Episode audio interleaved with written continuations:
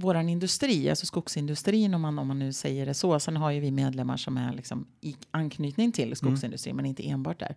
Har en utmaning. Eh, vi har väldigt och det, och det är en styrka vi har i Värmland, att vi har väldigt hög kompetens kring de här frågorna. Men vi har också en utmaning i att fortsatt ha hög kompetens och att människor vill komma hit och jobba här och bo och leva här och så. Eh, och, men vi har en utmaning i att vi är, vi är en väldigt mansdominerad bransch. Mm. Eh, och det går långsamt.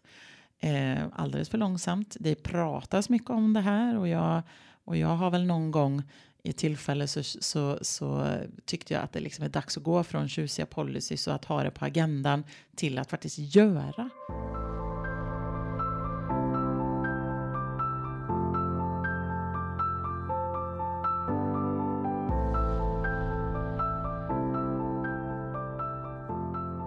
Hej och välkommen till Agera-podden. En podcast där vi på Agera Värmland tar upp frågor inom mänskliga rättigheter, demokrati och diskriminering.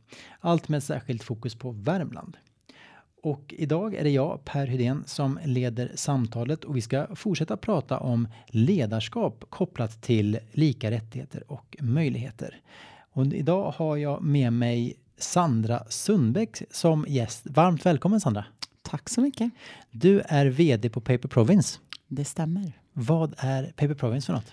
Paper Province är ett eh, företagskluster som samlar 130 företag, medlemsföretag, som har det gemensamt att man jobbar med skog mot den gröna omställningen. Så vi kallar det för skoglig bioekonomi, det vill säga att vi, ja, de träden vi tar ner, att vi använder hela trädet till så smarta och bra saker som möjligt och skapar det bästa värdet av skogen.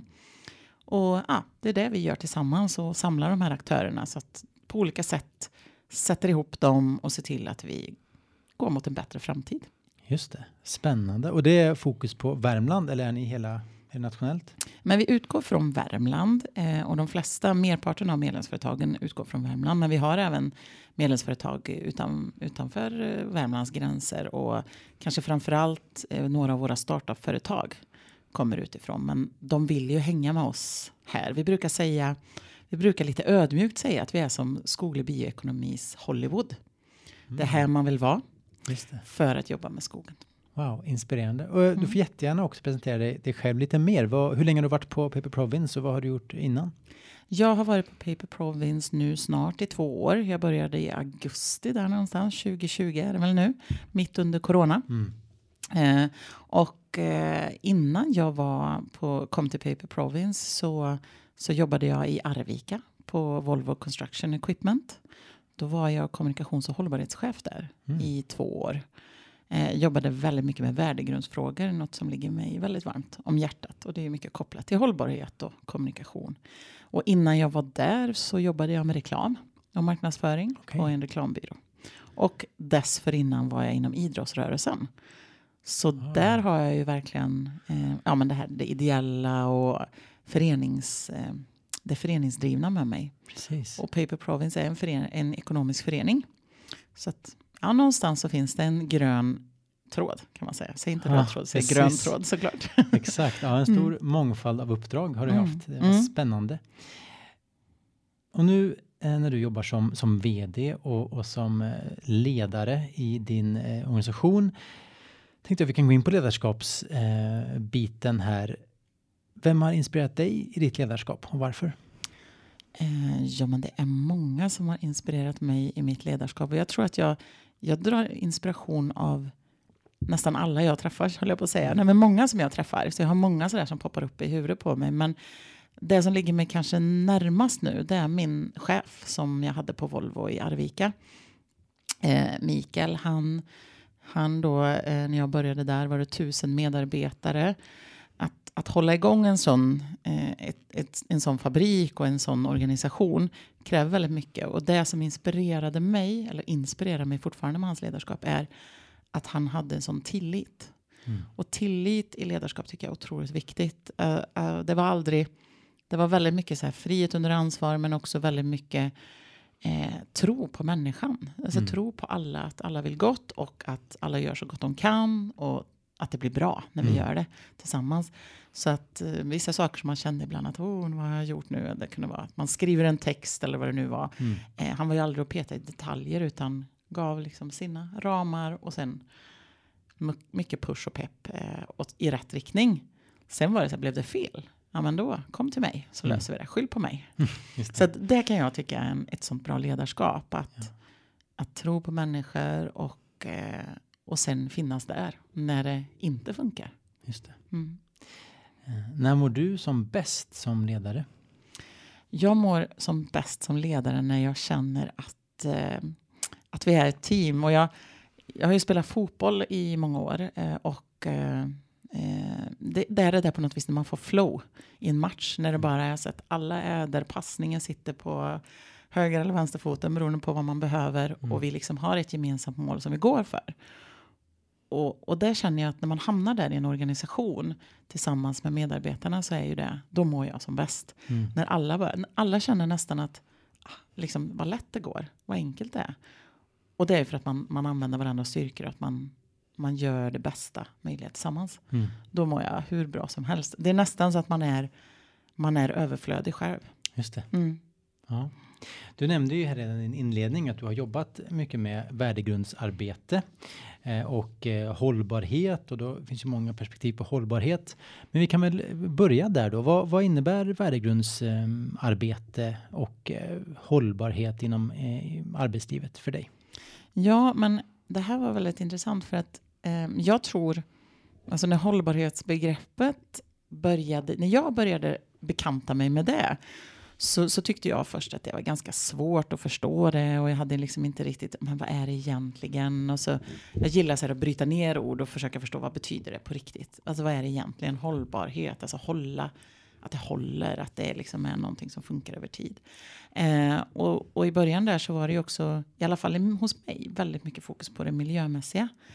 Men när jag sen då började botanisera runt bland eh, poddar och lyssna in mer kring hållbarhet så, så var det som att en polett trillade ner för mig att jag har jobbat med social hållbarhet hela tiden. Ända från att jag började engagera mig när jag höll på med idrott. Jag, jag har alltid varit väldigt mån om det där med att ja, men, hur får vi alla med? Hur, kan vi, hur, hur, hur jobbar vi tillsammans? Ehm, eh, och, och, och ja, men just det där liksom, ja, men jobba med värdegrundsfrågor inom idrotten. Ehm, idrotten vill jobbade jag mycket med. Och, jag hade inte liksom hade inte fått ner det där i, på så vis att det faktiskt är social hållbarhet det handlar om. Att det är vi människor och att vi kan inte, vi kan inte uppnå de andra sakerna som vi vill om inte vi har människorna med oss i arbetet. Och, och då är det ju fantastiskt viktigt, tänker jag, så som jag, som jag hade förmånen när jag jobbade på reklambyrån, att jobba med värdegrundsfrågor med kommuner och så vidare, så handlar det mycket för mig om att bryta ner det. Eh, för om vi har en grund med värden som vi vill liksom att människor ska förstå, Mm. då behöver vi också få jobba med det. Och, och det får inte vara tjusiga ord på en vägg bara. Ehm, och jag har också gjort det flera gånger eh, och det är ju okej att man tar fram de här orden. Vi har det på Paper Province har vi värdeord. Men vad betyder det för mig? Och liksom sätta mina egna ord på det. Om vi har, som vi har till exempel, att vi ska vara öppna. Vad betyder det? Är vi, är vi mottagliga för olika åsikter? Och liksom på något vis sätta i din egen mun och fundera. Och då behöver vi faktiskt få jobba med det på riktigt. Och också lyfta fram det i olika sammanhang och påminna om det. Ja, men är vi öppna nu? Är vi, Mm. är vi liksom inbjudande på det här sättet? Då? Just det. Eh, och jag har ju, eh, min utbildningsbakgrund är ju kommunikation och på utbildningen minns jag att vi sa att allt är kommunikation och så tänkte jag väl så att det säger nog alla yrkeskategorier att allt är kommunikation och allt är det här. Eh, men det, ja, jag landar nog i det ändå att ja, men det, allt vi gör kommunicerar och allt vi inte gör kommunicerar också. Så, eh, så när jag då fick också jobba med värdegrunden och, och eh, när jag var på Volvo där så, så var det också så att vi ställde om från ett kanske mer uppifrån och ner ledarskap till ett värdebaserat ledarskap. Och då tänkte jag, så här, "Åh, vad betyder det då? Och så var det liksom också det där att det handlar om att chefer och ledare går före och verkligen lever värdegrunden. Mm. Walk the talk kan man säga, eller lever som vi lär. I så många delar. Så för mig är det ganska jag, det blir nog ofta att jag kanske bryter ner i beteenden. Beteenden, vad, vad, vad är det vi faktiskt gör? Säger vi, om vi kan ta exemplet med öppna, säger vi att vi är öppna, ja, men på vilket sätt visar vi det då? Mm. Har vi en öppen kontorsmiljö? Eh, när man kommer in till oss, är det så att vi sitter med hörlurar och är okontaktbara? Eller är vi öppna? Alltså att man börjar fundera på, så inte det bara blir tomma ord, utan att det faktiskt blir ord som, som också är ett beteende. Mm. Um, så, så väl det jag mycket, för mig betyder det det, vad det är vi gör. Just. Uh, och att det, att det håller över tid, att det inte bara är en, ett tomtebloss. Åh, oh, nu gör vi det här. Och så mm. uppar vi upp det och säger att oh, vi, är så, vi är så öppna, eller vad vi nu ska Just det. vara. Utan vi faktiskt är det. Mm. Ja, exakt. Jag kommer att tänka på här nu, eh, jag har glömt bort hans namn, men jag läste en artikel av en eh, psykologiprofessor. Han skrev en bok här ganska nyligen kring just värvningsarbete. Mm. Och just den professorn var ganska kritisk och menar ju liksom på att nej men gör det ni ska istället ungefär. Mm. Eh, och jag som precis som, som eh, du då Sandra jobbar ju också med mycket med värvningsarbete eller vad vi nu vill kalla det. Mm. Eh, för lika rättigheter och möjligheter eller, eller trygga arbetsplatser som, som vi brukar säga gick igång lite grann först. Bara, men gud, vad, vad menar han? Mm. Men sen när jag läste i alla fall den här artikeln så, så var ju liksom kontentan som jag förstod det mycket att det är så många som också jobbar med värvningsarbete utan att förankra det och kanske egentligen veta varför. För att det är någonting man ska. Mm. Man ska ha några värdeord för det, det ska ju man ha som företag. Mm. Eh, man, och gärna tre. Ja, precis. Mm. Eh, medan liksom de då nere på i linjen eller liksom så kanske inte vet varför man gör det här. Eller man har inte gjort en riktig inventering heller så att man vet egentligen om man har vilka utmaningar man har och att man, man inte lägger in eh, åtgärder utifrån dem utan bara lite grann för slentrian. Och det där kan jag ju verkligen, verkligen förstå. Mm. Alltså då är det nästan bättre att inte göra någonting alls för att det kan nästan vara kontraproduktivt om du gör någonting och inte gör det helhjärtat. Och det bara som du säger står några ord på väggen men du vet inte vad det betyder. Det kan ju nästan skapa liksom en splittring till ledningen om man inte fattar varför. Eh, men gör man det verkligen eh, gediget och man pratar om specifika beteenden, vilka vill vi se? Ehm, så kan ju det, ser jag i alla fall, bli otroligt kraftfullt och göra otroligt stor skillnad för alltså dels för arbetsmiljön och för inkludering och så vidare, men också för verksamheten. Mm, absolut. Och jag har ett exempel som jag eh, bara måste ta där i eh, just min erfarenhet när jag var i Arvika då. Då var det så att vi inom lean management som vi eller lean, lean produktion då, så, så ingick det att vi och det här var helt nytt för mig. Jag var ju helt ny inom industrin. Jag kände inte till lean. Eh, bara där så köpte jag mig en bok som var Lean for Dummies. Jag tänkte mm. jag kanske lär mig någonting här innan mm. jag ska börja jobba med det här. Um, men då skulle vi gå ut och göra någon slags, jag tror det heter Gambas eller något sånt där inom Lean. Där man ska då gå ut på line och i det här fallet så skulle man ha med sig ett protokoll och på något vis titta på hur arbetet utfördes, utfördes där. Och så ska man titta på hur kan man göra, hur kan man göra det bättre? Är det någonstans man kan effektivisera? Och jag kände nu där kommer jag, kommunikatör i grunden, ut till någon som står och svetsar eller någon som står och monterar och har gjort det i flera, flera år. Och ska stå där och titta hur den utför sitt jobb. Och det kändes liksom inte rätt i magen för mig. Mm. Och sen hade vi en diskussion, för det här är ju ett arbetssätt som det är jättevanligt att det är så. Så diskuterade vi det här i ledningsgruppen och så kom vi fram till att nej, vi går ut på praktik istället. Mm. Så en gång i månaden så la vi alla i ledningsgruppen en halvdag och var ute på någon av de olika grupperna eller linerna och sådär och lärde oss. Vi fick prova. De fick, de fick lära oss hur man, hur man svetsade. Um, eller hur man målade. Fick vara inne i mm. måleriboxen. Och, och inte nog med att det, det också gör, lärde mig någonting hur det faktiskt är att jobba i en fabrik. Så det hände ju någonting där efter kanske 30, 45 minuter, en timme. Då var vi liksom inte ledningsgruppsperson och medarbetare utan men det kom ju fram saker som vi kunde jobba med. Saker som mm. att ja, jag tycker det är lite konstigt det här vi håller på med. Jaha, vad bra. Vad har du någon idé om hur vi kan göra det annorlunda?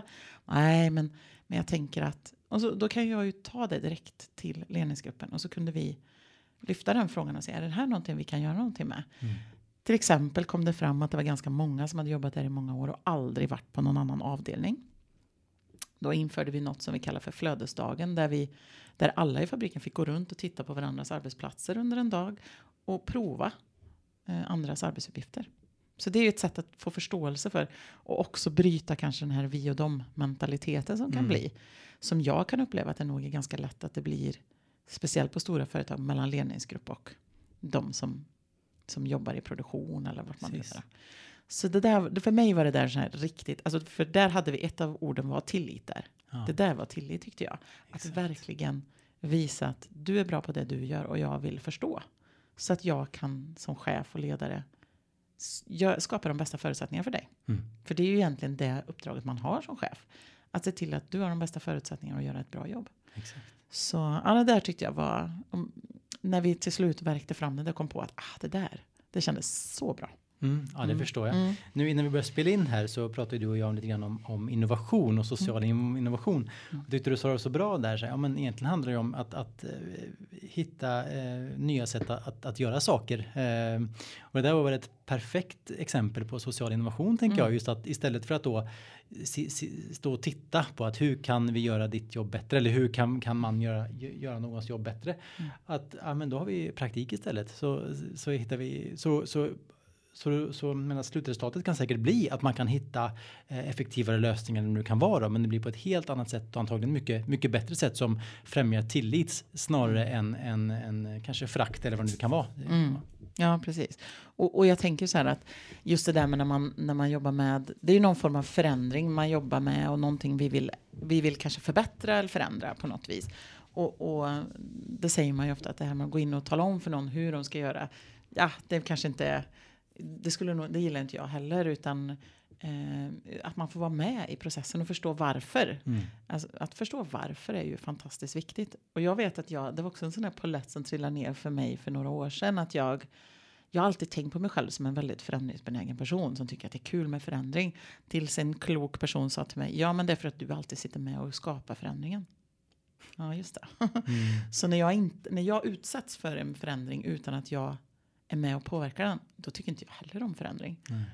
Så det gäller väl att ha den medvetenheten om att hur, Mm. hur gör vi den här resan så att, så att människor känner sig involverade i resan. Sen kan ju inte alla vara med i allt, men just det här, vilka, alltså titta ut vilka delar behöver vi få med folk på då, för att man ska känna att jag har varit med och gjort det. Precis. Mm. Vilken viktig insikt. Mm. Ja, den var, du vet man har stått så här och ah, jag är så förändringsbenägen. Ja. Mm, hej och. Det var jag ju inte när det väl bara damp på mig så. Då Nej. insåg jag att vad hände nu? Ja, det här var en förändring som inte du hade bestämt. Just det. Nej, och vi är nog ganska lika de flesta av oss på många sätt. Eh, Så att eh, det är klart att jäm, en eh, värdegrundsarbete eh, inom liksom en, på ett företag eller en arbetsplats, det eh, kan innebära tänker jag, många sådana insikter för alla. Eller Mm. sådär just att, att eh, ens eget beteende och varför och, och så vidare. Mm. Men om vi går in på de här bitarna lite grann. Det finns ju många olika eh, begrepp man kan ta upp när vi pratar om eh, social hållbarhet eller lika rättigheter och möjligheter. Ehm, ett begrepp är ju eh, inkludering. Hur, hur tänker du kring begreppet inkludering och hur försöker du inkorporera det i din roll på Paper Province? Inkludering är viktigt för mig och jag, jag tänker så här att jag försöker att ja, men så för mig handlar det mycket om, kanske framför allt tycker jag att det är viktigt att människor känner att man har en plats, att man, att man är behövd, att man är medräknad, att man inte glöms bort utan att man är en del av det, av, av det hela. Och för mig, återigen, så handlar det mycket om kommunikation. Att Mm. Hur kommunicerar vi på ett sätt så att, så att vi i alla fall får med alla i på den, det är det första steget. Och då handlar det också om, tycker jag, att kanske bryta ner saker. Jag kanske har ett mål att vi ska någonstans. Men jag behöver bryta ner det och inse att alla är inte där just nu. Utan inkludering för mig kan vara allt ifrån att fånga upp eh, åsikter och tankar. Eh, och göra det på olika sätt. Det jag kan jobba med eh, jag kan jobba med eh, anonyma enkäter till exempel för att få upp det. Då kanske, vad får jag fram om jag gör det? Mm. Vad tycker man egentligen? Ehm, sen kan jag också jobba med, och det gör jag, har eh, avstämningar en gång i kvartalet med varje medarbetare. Som ska vara på ett väldigt öppet, alltså det är min, min plan är att det är ett öppet samtal där man kan säga vad önskar jag mer av, vad önskar jag mindre av, hur funkar det? Och på så vis också öppna upp för att alltså, du är viktig och det Mm. du säger, oavsett om det är något jag kan göra någonting åt direkt eller indirekt så ska jag fånga upp det i alla fall och ge en återkoppling. Ehm, så att liksom bygga det på olika nivåer. Ehm, men sen brukar jag också då, tycker jag är viktigt också att berätta och kommunicera om på vilket sätt har jag gjort det. På vilket sätt jag har, ehm, till exempelvis, jag kan ta ett exempel nu när vi efter corona, när vi eh, hos oss då tänkte att ja, men nu ska eller vill jobba oss för att komma tillbaka till kontoret. För att vi jobbar med att bygga relationer med varandra men också med våra medlemsföretag och med människor mm. överlag. Det är ganska svårt digitalt att göra det. Eh, och vi var, det tyckte vi allihopa. Eh, men sen så kände jag att här, det var ändå en litet, lite jobbigt att ta sig tillbaka till kontoret. Man, vi hade ändå fått, fått till bra rutiner att jobba digitalt. Och det är ju skönt för att få ihop livspusslet. Anser ganska många att, ja, mm. men, att göra det. Men jag kände ändå att det var viktigt att säga att vi ska, nog, vi ska utgå från kontoret ändå. Men då tänkte jag att här, här behöver vi ju få, här behöver man få säga vad man tycker. Um, så att jag gick ut och sa, fråga vad, vad är utmaningarna du ser och vad behöver du för att göra ett bra jobb på kontoret? Och så fick man svara i en enkät. Och som man frågar får man svar. Mm. Så att jag fick ju väldigt mycket saker. Mm. Och det är klart att man tänker också vad kan bli ett problem också. Um, och så tog vi ner det och så sammanfattade vi det och så, och så tänkte vi så här att ja men vi sätter ihop ett antal spelregler för hur vi ska eh, ta oss an det här tillsammans. Och jag tror aldrig att de där spelreglerna riktigt så landade hos oss. Och att vi tyckte att det kändes, oh, får man göra så här? Får man inte göra så här? Mm. Oh, det kändes lite jobbigt. Och sen hade vi en personaldag eh, där vi liksom, tillsammans med en processledare som vi jobbar med eh, kom fram till att nej, vi behöver inga spelregler. Vi har gjort den resan och vi har alla fått tyckt till och sagt. Men det vi kom fram till var att vi ska vara schyssta, bra kollegor mot varandra.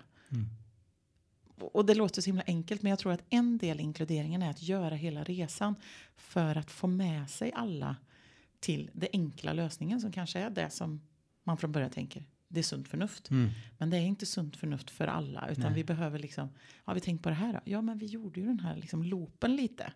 Där kände jag var viktigt för oss. För att få känna att jag har varit med och jag har i alla fall fått sagt vad jag tycker är en utmaning. Mm. Eh, och nu har vi kommit överens om det här då. Så, så det är lätt att jag spinner iväg på de här frågorna ska du veta. Ja, men det, det är, det är ett bra. sätt jag kan tänka inkludering. Eh, men också kommunikation och språket tycker jag är jätteviktigt. Och jag, och jag tycker att eh, den världen jag, vi agerar i nu, eller vi jobbar inom, är väldigt eh, mycket tekniska ord och ganska komplicerade ord och sådär. Och Eh, jag ska inte sticka under stolen med att jag kanske inte mitt första halvår, år kände ibland att fattar jag någonting? Mm. jag gick från möten och kände, hoppas ingen frågar mig vad vi har pratat om. Um, och, och det är ju ingen skön känsla för någon. Mm. Och då tänker jag att när jag liksom landade där i mig själv och kände att om jag känner så och jag då är, har den rollen och den positionen som jag har. Då har ju jag en, en möjlighet att vara en av dem som faktiskt ställer de där frågorna och liksom kanske är lite, ja, men, ja jag förstår inte vad det här betyder för att jag är lite, men jag, jag tycker att jag måste ta på mig en sån roll. Um, så då gör jag det. Och om det är en, en um, förkortning, eh, jag, jag, lovar att alla sitter och tänker vad betyder det här? Mm. Men om ingen frågar så sitter vi allihopa och ingen förstår något. Och jag tycker det är så slöseri med tid så tänker jag att då kan jag vara den som bara ursäkta bara så att vi har koll på det här. Vad betyder den här förkortningen? Mm. Eh, och då brukar jag alltid kunna använda då min bakgrund. Att jag har varit i fyra olika branscher. För inom idrotten har vi hur mycket förkortningar som helst. Inom reklambranschen har vi hur mycket förkortningar som helst. Och inom anläggningsmaskinstillverkningen har vi hur mycket förkortningar som helst. Så då kan jag säga ibland att men den här förkortningen den betyder så här inom reklam och så här mm. inom. Så bara så att jag förstår vart är vi. Precis. Och då brukar jag få folk som kommer fram efteråt och säger tack för att du. För jag satt också och fundera. Mm. Och det är faktiskt ganska ofta folk som har jobbat i många år också. Mm. Så att, um, jag tror att det där är viktigt. Och jag har en, en mentor som uh, sa det till mig att ta på dig rollen, var den där personen som kallar en spade för en spade och inget tillkrånglat ord. Mm. Och då tänker jag att det är ett sätt för mig som jag inkluderar och tänker att kommunikation kan exkludera om inte vi tänker till. Precis, mm. men det, det, skickar ju en viktig signal att här är det okej okay att mm inte behöva veta allting. Eller så är det är okej okay att fråga, jag vet inte vad det här betyder. Mm. det, och att man, man är väldigt, kan vara duktig i alla fall. Eller så här, det har inte med det att göra kanske. Mm. Eh, mm. Så det är ett klockrent exempel på, på inkludering tycker jag att visa och också gå före som ledare att mm. visa det här är helt okej okay. och det behöver inte vara någon fasad kring att vi ska eh, slås med, med häftiga ord eller liknande. Nej. Det var jättemånga saker jag eh, mm. skrev upp här nu man skulle kunna plocka upp. Eh, en del var du sa det här med sunt förnuft. Mm. För det, det, det, får vi höra ganska ofta eh, kanske när det är inte nödvändigtvis motstånd men det kan vara lite sådär kring just eh, arbete för lika rättigheter och möjligheter när man kanske ska prata om sådana här saker i en arbetsgrupp eller prata om spelregler som vissa då tycker men det behövs väl inte, vi, vi kör väl bara sunt förnuft. Mm.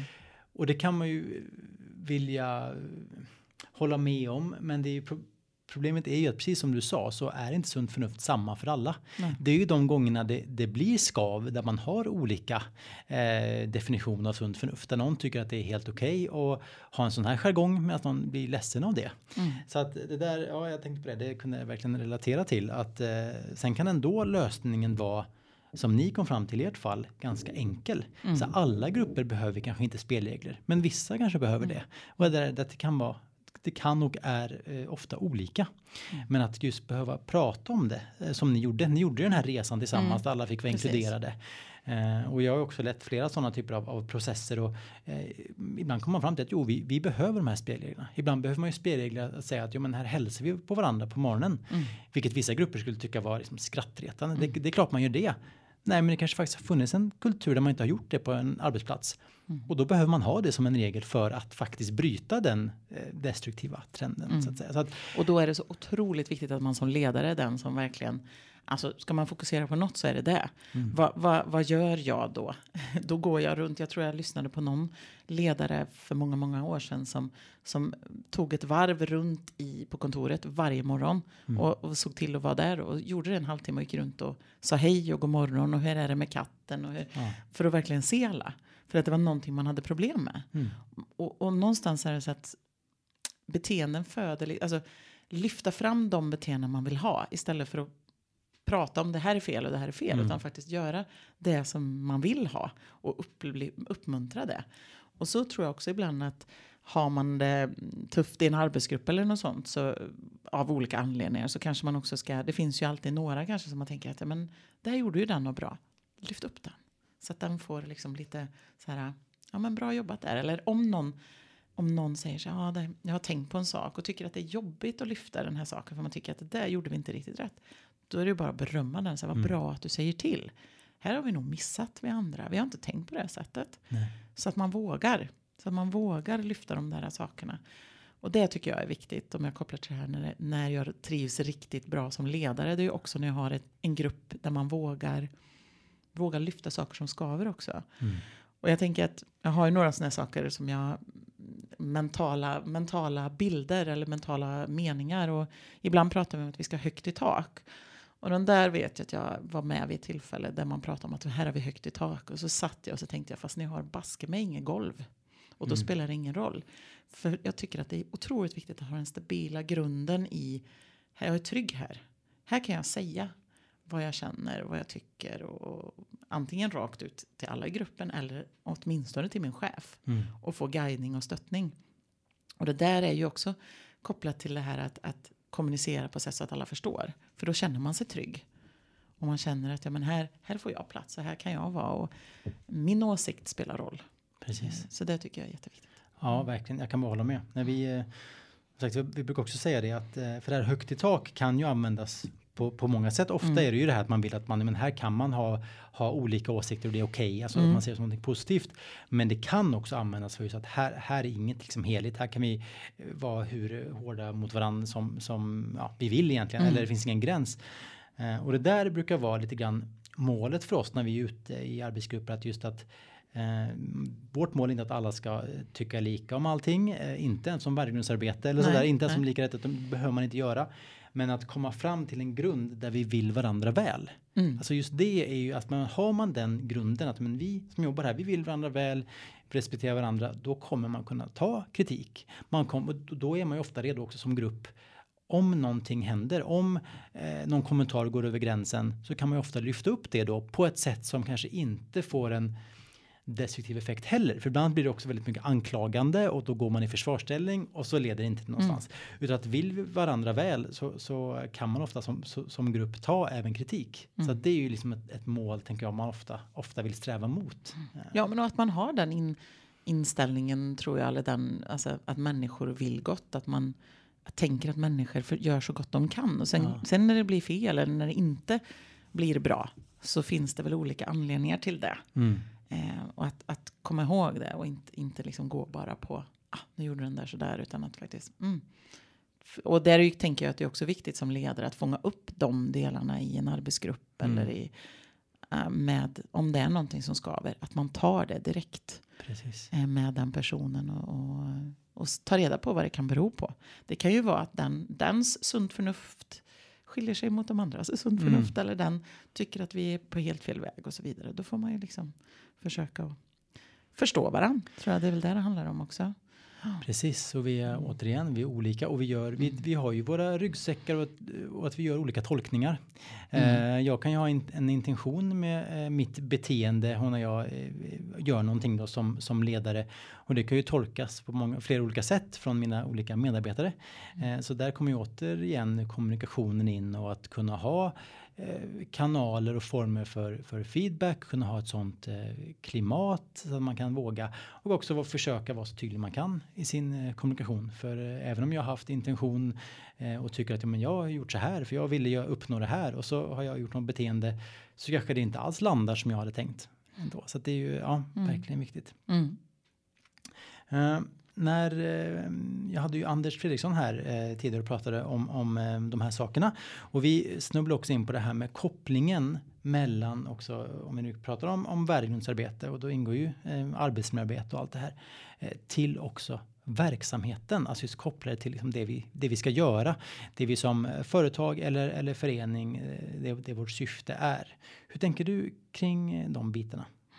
Ja, men jag, det tycker jag är jätteviktigt och som, som jag sa det då, så är ju Paper Province en ekonomisk förening som ägs och drivs av 130 medlemsföretag. Mm.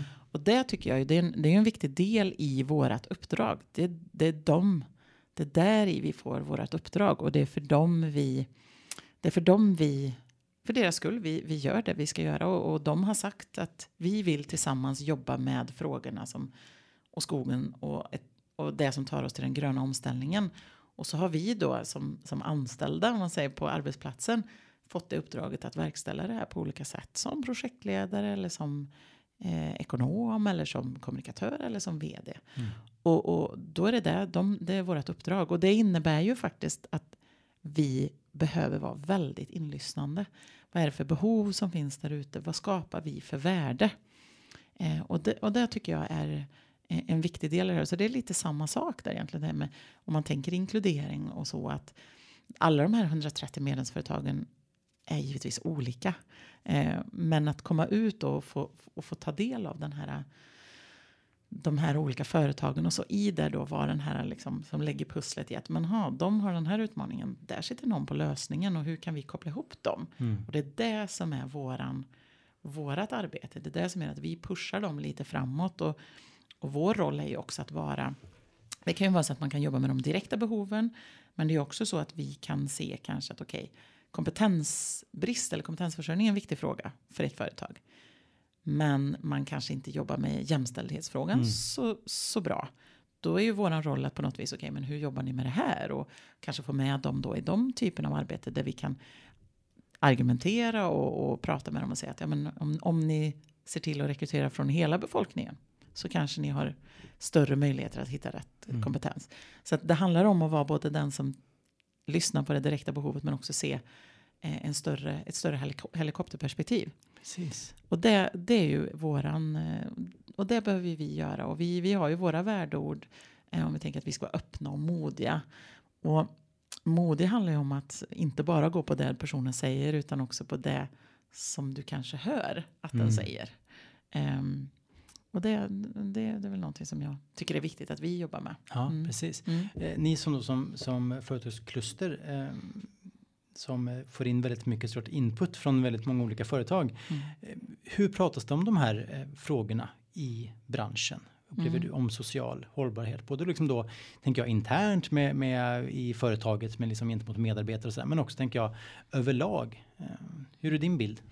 Nej, men jag, vi, våran industri, alltså skogsindustrin om man, om man nu säger det så. Sen har ju vi medlemmar som är liksom i anknytning till skogsindustrin, men inte enbart där. Har en utmaning. Eh, Vi har väldigt, och det, och det är en styrka vi har i Värmland, att vi har väldigt hög kompetens kring de här frågorna. Men vi har också en utmaning i att fortsatt ha hög kompetens och att människor vill komma hit och jobba här och bo och leva här och så. Eh, och, men vi har en utmaning i att vi är, vi är en väldigt mansdominerad bransch. Mm. Ehm, och det går långsamt. Eh, alldeles för långsamt. Det pratas mycket om det här och jag, och jag har väl någon gång i tillfälle så, så, så tyckte jag att det liksom är dags att gå från tjusiga policies och att ha det på agendan till att faktiskt göra Mm. det här på riktigt i vardagen och inte krångla till det. Alltså en policy är jättebra. Men det är inte många kanske som läser den varje dag. Men i det här att faktiskt koppla det till beteenden igen då. Att om vi är öppna i en värdegrund, vad innebär det i våra beteenden? På vilket sätt skapar vi då möjligheter för ökad jämställdhet? Och, så? Och, och vi har många medlemsföretag som, som jobbar med jämställdhetsfrågan. Alla har utmaningen. Alla vill jobba mer med frågan skulle jag vilja säga.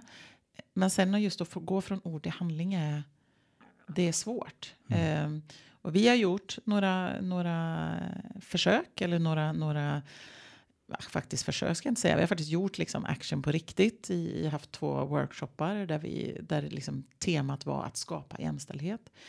Varför jag säger att vi har gjort några försök är väl att vi fick med oss några första gången. Och det får man vara glad för att vi hade, inte om vi var ett 30-tal. Och så tänker jag att det är en första start där vi faktiskt fick fram 12 konkreta verktyg som kan skapa jämställdhet i en, ett företag. Som alla får ta del av. Och sen så behöver vi fortsätta det här och göra mer av samma modell. För det var en väldigt bra modell. Mm. Att jobba på det här, att liksom verkligen skapa jämställdhetsverktyg.